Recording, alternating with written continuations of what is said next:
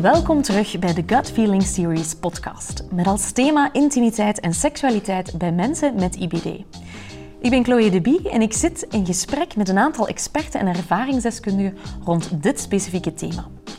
Aan mijn tafel zitten Dr. Steven van Oetrieven, gastroenteroloog, Noortje Stratemans, IBD-verpleegkundige, Els Pasmani, seksuologe en dan hebben we ook nog twee ervaringsdeskundigen aan onze tafel, Bart en Lien.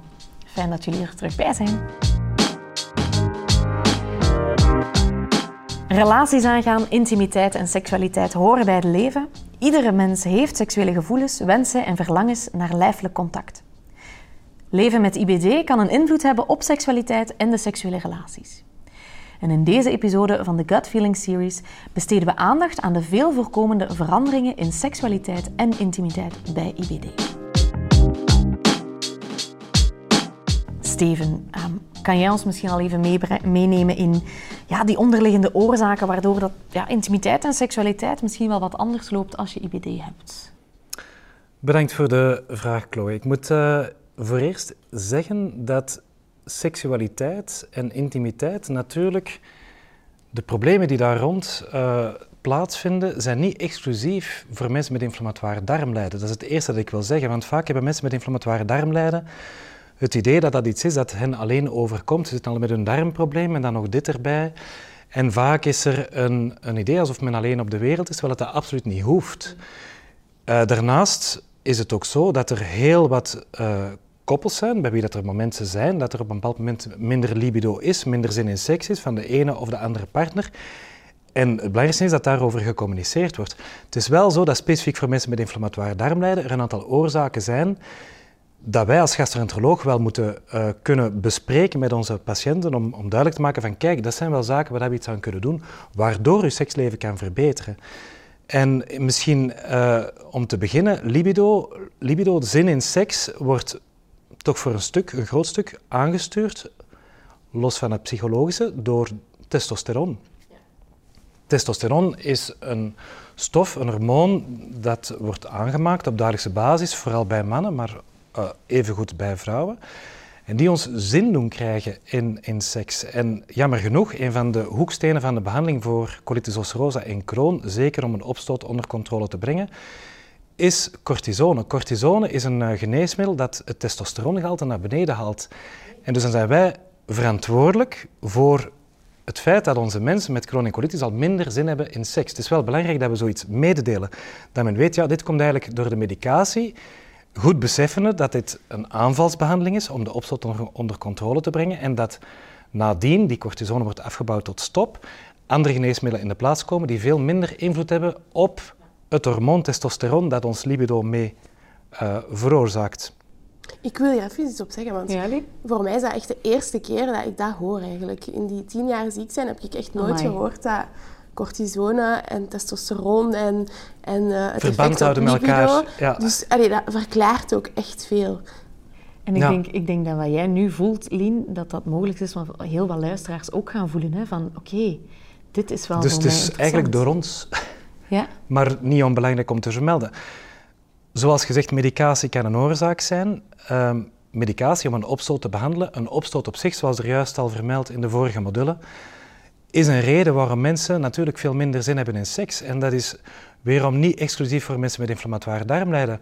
Als je geen inflammatoire darmlijden hebt en je hebt bijvoorbeeld een maag-darmontsteking, dan kan je toch gerust voorstellen dat je dan op dat moment geen zin hebt in seks. Els, als, als je dit net allemaal Steven hoort vertellen over verlangen en de invloed van testosteron en zo, denk je dat als seksuoloog dat je wel ook wel iets te vertellen hebt over dat verlangen? Ja, inderdaad. Hè. Het klopt dat uh, testosteron inderdaad een invloed kan hebben op de zin in seks. Hè. Mhm.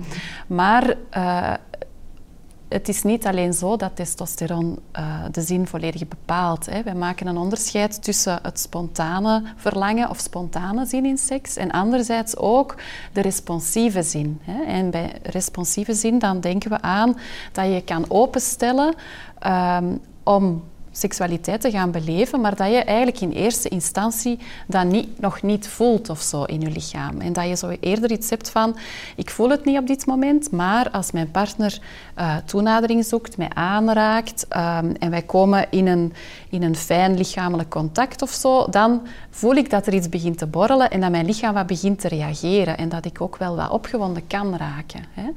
En dat is toch iets wat we ook belangrijk vinden om, om ook aan mensen mee te geven van uh, laat u niet enkel leiden of ga niet enkel af op het gevoel van spontane zin.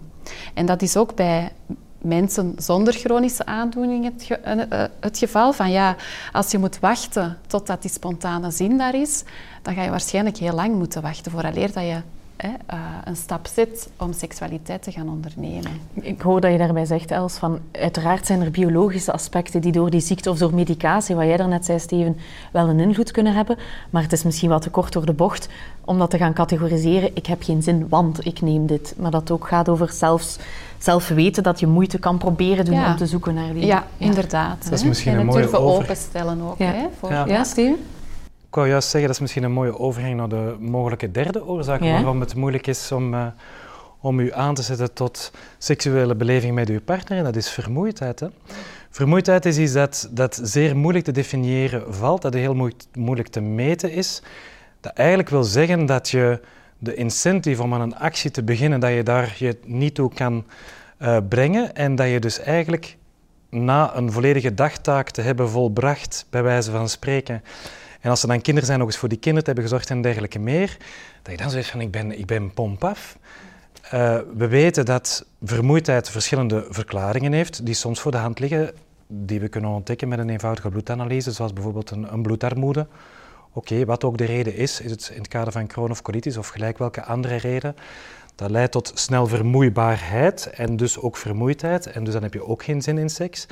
Dat is op te lossen ijzertekort, vitaminetekorten, ondervoeding, als het gaat over bijvoorbeeld mensen met ziekte van Crohn met dunne darmaantasting, waarbij er slechte absorpties van voedingsmiddelen, dan weten we oké, er is ondervoeding.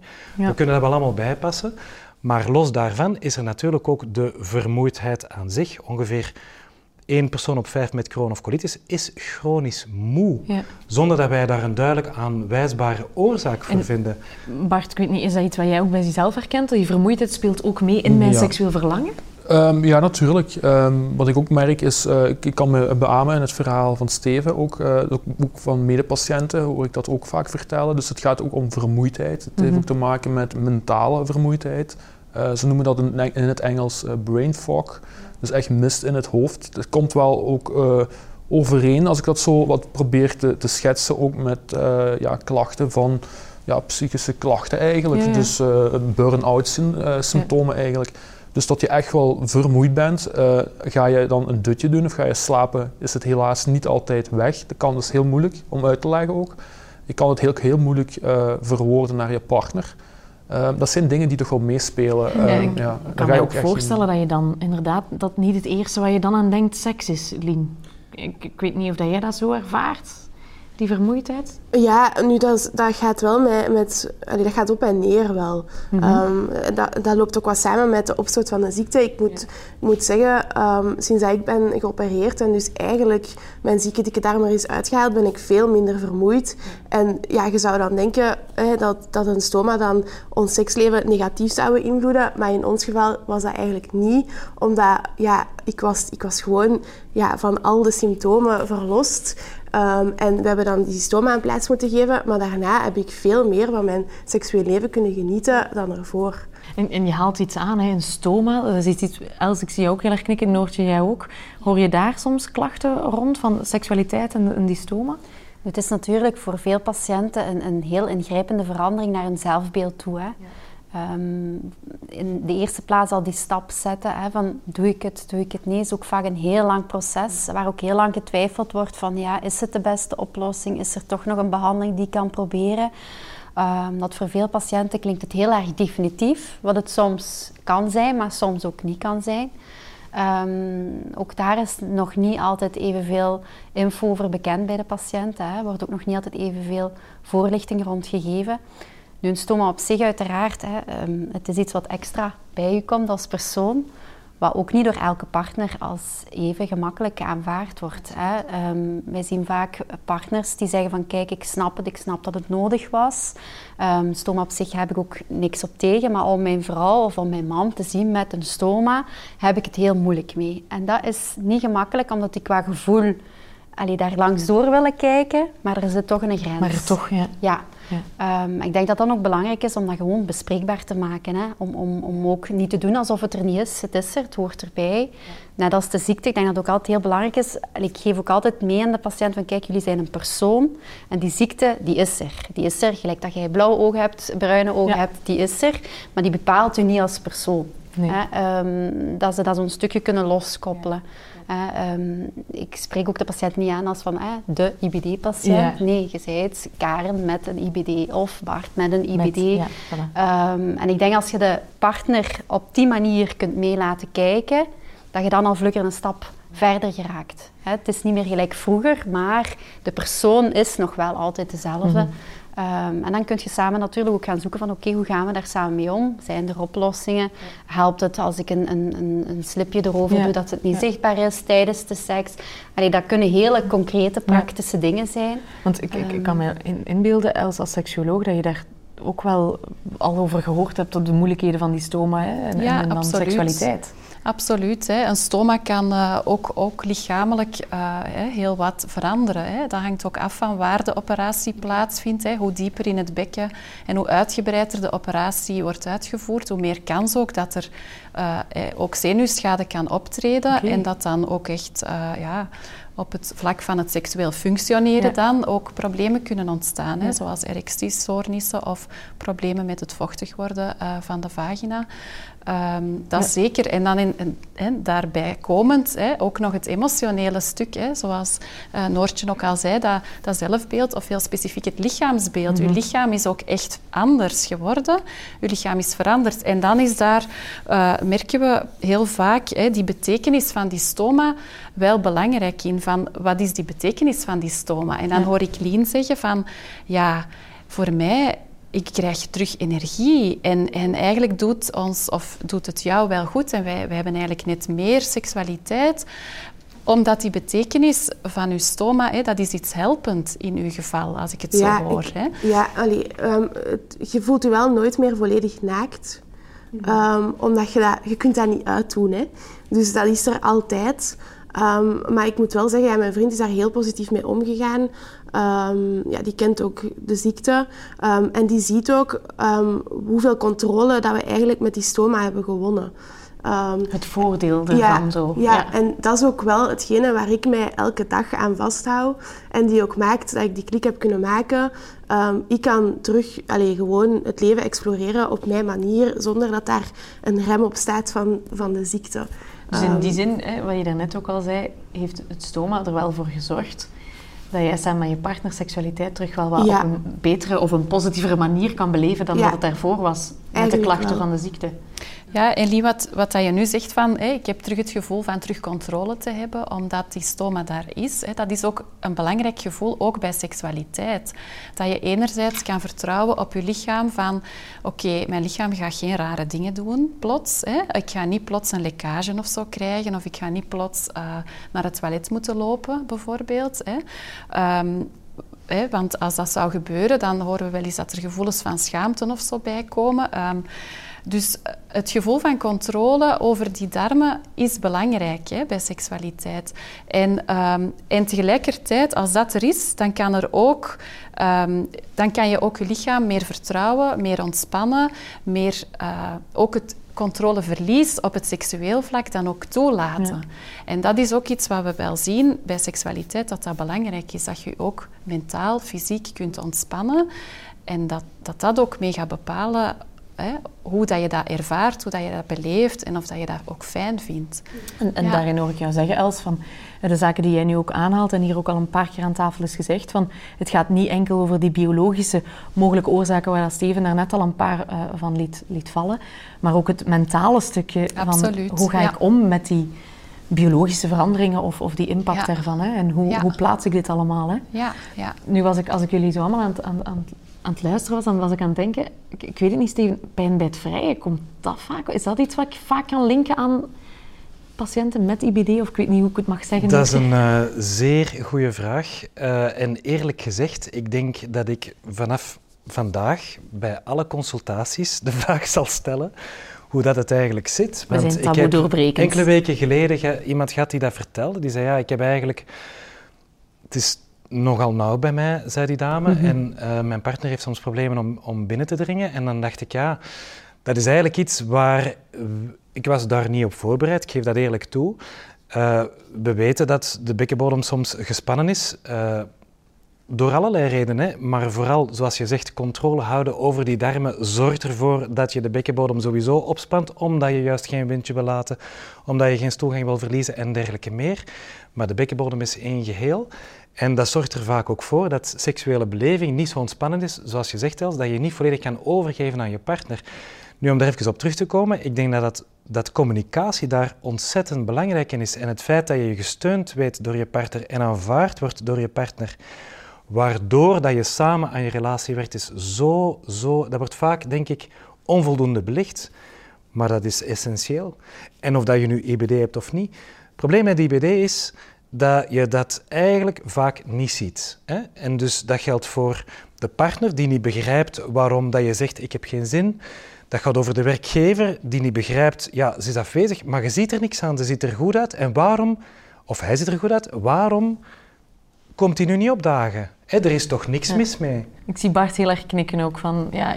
Ja, dat is ook, ook, uh, zit ook wel in de taboesfeer ook wel. Hè? Dus ook met werk, welke impact heeft dat? Ja, maar dat is een ander thema natuurlijk. Ja, nee, maar ja, het wordt vaak niet. Het wordt vaak niet Ik heb verschillende mensen die tegen mij zeggen, ik zie dat niet zitten om dat tegen mijn werkgever te zeggen. Ik heb zelfs mensen die zeggen, ik zie dat niet zitten om tegen mijn kinderen te zeggen. En dat zijn dan tieners. Dat denk ik van, ja, dat is toch een probleem, want je leidt eigenlijk een dubbel leven. En ze begrijpen niet wat er... En dan gaan ze gaan fantaseren en dan denken ze misschien dat het... Ik weet niet wat is. En de partner kan zich ook bijvoorbeeld zorgen bij, wat je dan ja, net want er is, er is een gebrek aan communicatie en communicatie is wel essentieel op alle vlakken. Zeker ook op seksueel vlak. Um, nu, als we, we hebben het hier vooral gehad over, over verminderd verlangen. Dat hoor ik bij een wet vrij. Zijn er nog zaken, erectiestoornissen heb ik jou ook horen vertellen. Zijn er zaken waar jullie nog aan denken die vaak in combinatie met IBD ja, worden gezien? Ja, ik denk dat we de belangrijkste wel hebben mm overlopen. Ik denk vanaf dat er een operatie gebeurt, hoe zit het inderdaad met het zelfbeeld? Ook een zeer belangrijk iets. Hè? Hoe aanvaard je jezelf? Kan je vrede nemen met wat er aan het gebeuren is? Kan je partner vrede nemen met wat er aan het gebeuren is? Uh, beseft je partner wel dat je een extra inspanning aan het doen bent als jij zelf niet volledig zin hebt en, en, en dergelijke? Ik denk, ja, dat dat ja, absoluut. Het is dat wat het zo complex maakt ook, denk ik. Hè. Je hebt zo die twee wegen. Hè. Je hebt enerzijds het lichamelijke, hè. Uh, littekens, operaties, uh, mogelijke fistels. Ja, doe het uh, allemaal maar. Hè. Ja, absoluut. je hebt dat heel lichamelijke stuk al, hè, waardoor dat je je niet goed kunt voelen. Wat je graag moet kunnen terug leren zien. Zo. Ja. Um, die bekkenbodemproblematiek, ook iets wat heel veel speelt bij onze patiënten, waar wij dan af en toe ook gebruik maken van de kinetherapie bij de bekkenbodemkliniek.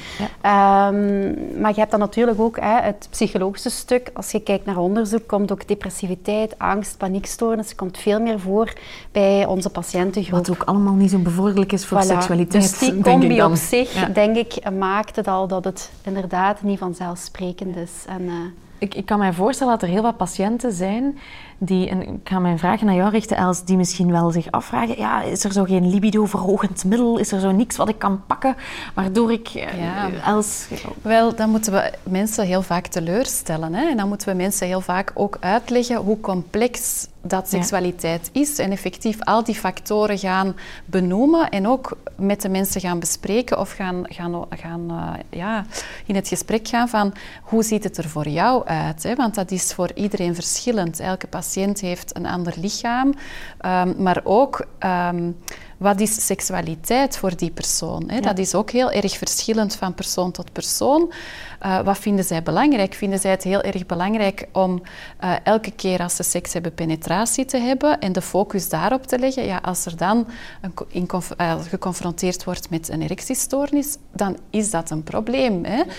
Als het een koppel is dat zegt nee, wij, wij staan ook open voor, uh, uh, voor ruimere activiteiten. Die, die penetratie, dat hoort er wel eens bij, maar dat is niet onze enige focus. Wij kunnen ook wel knuffelen, strelen, wij kunnen ook uh, oraal of manueel elkaar bevredigen bijvoorbeeld ja, dan wordt het palet aan, aan seksuele handelingen en activiteiten ook veel ruimer.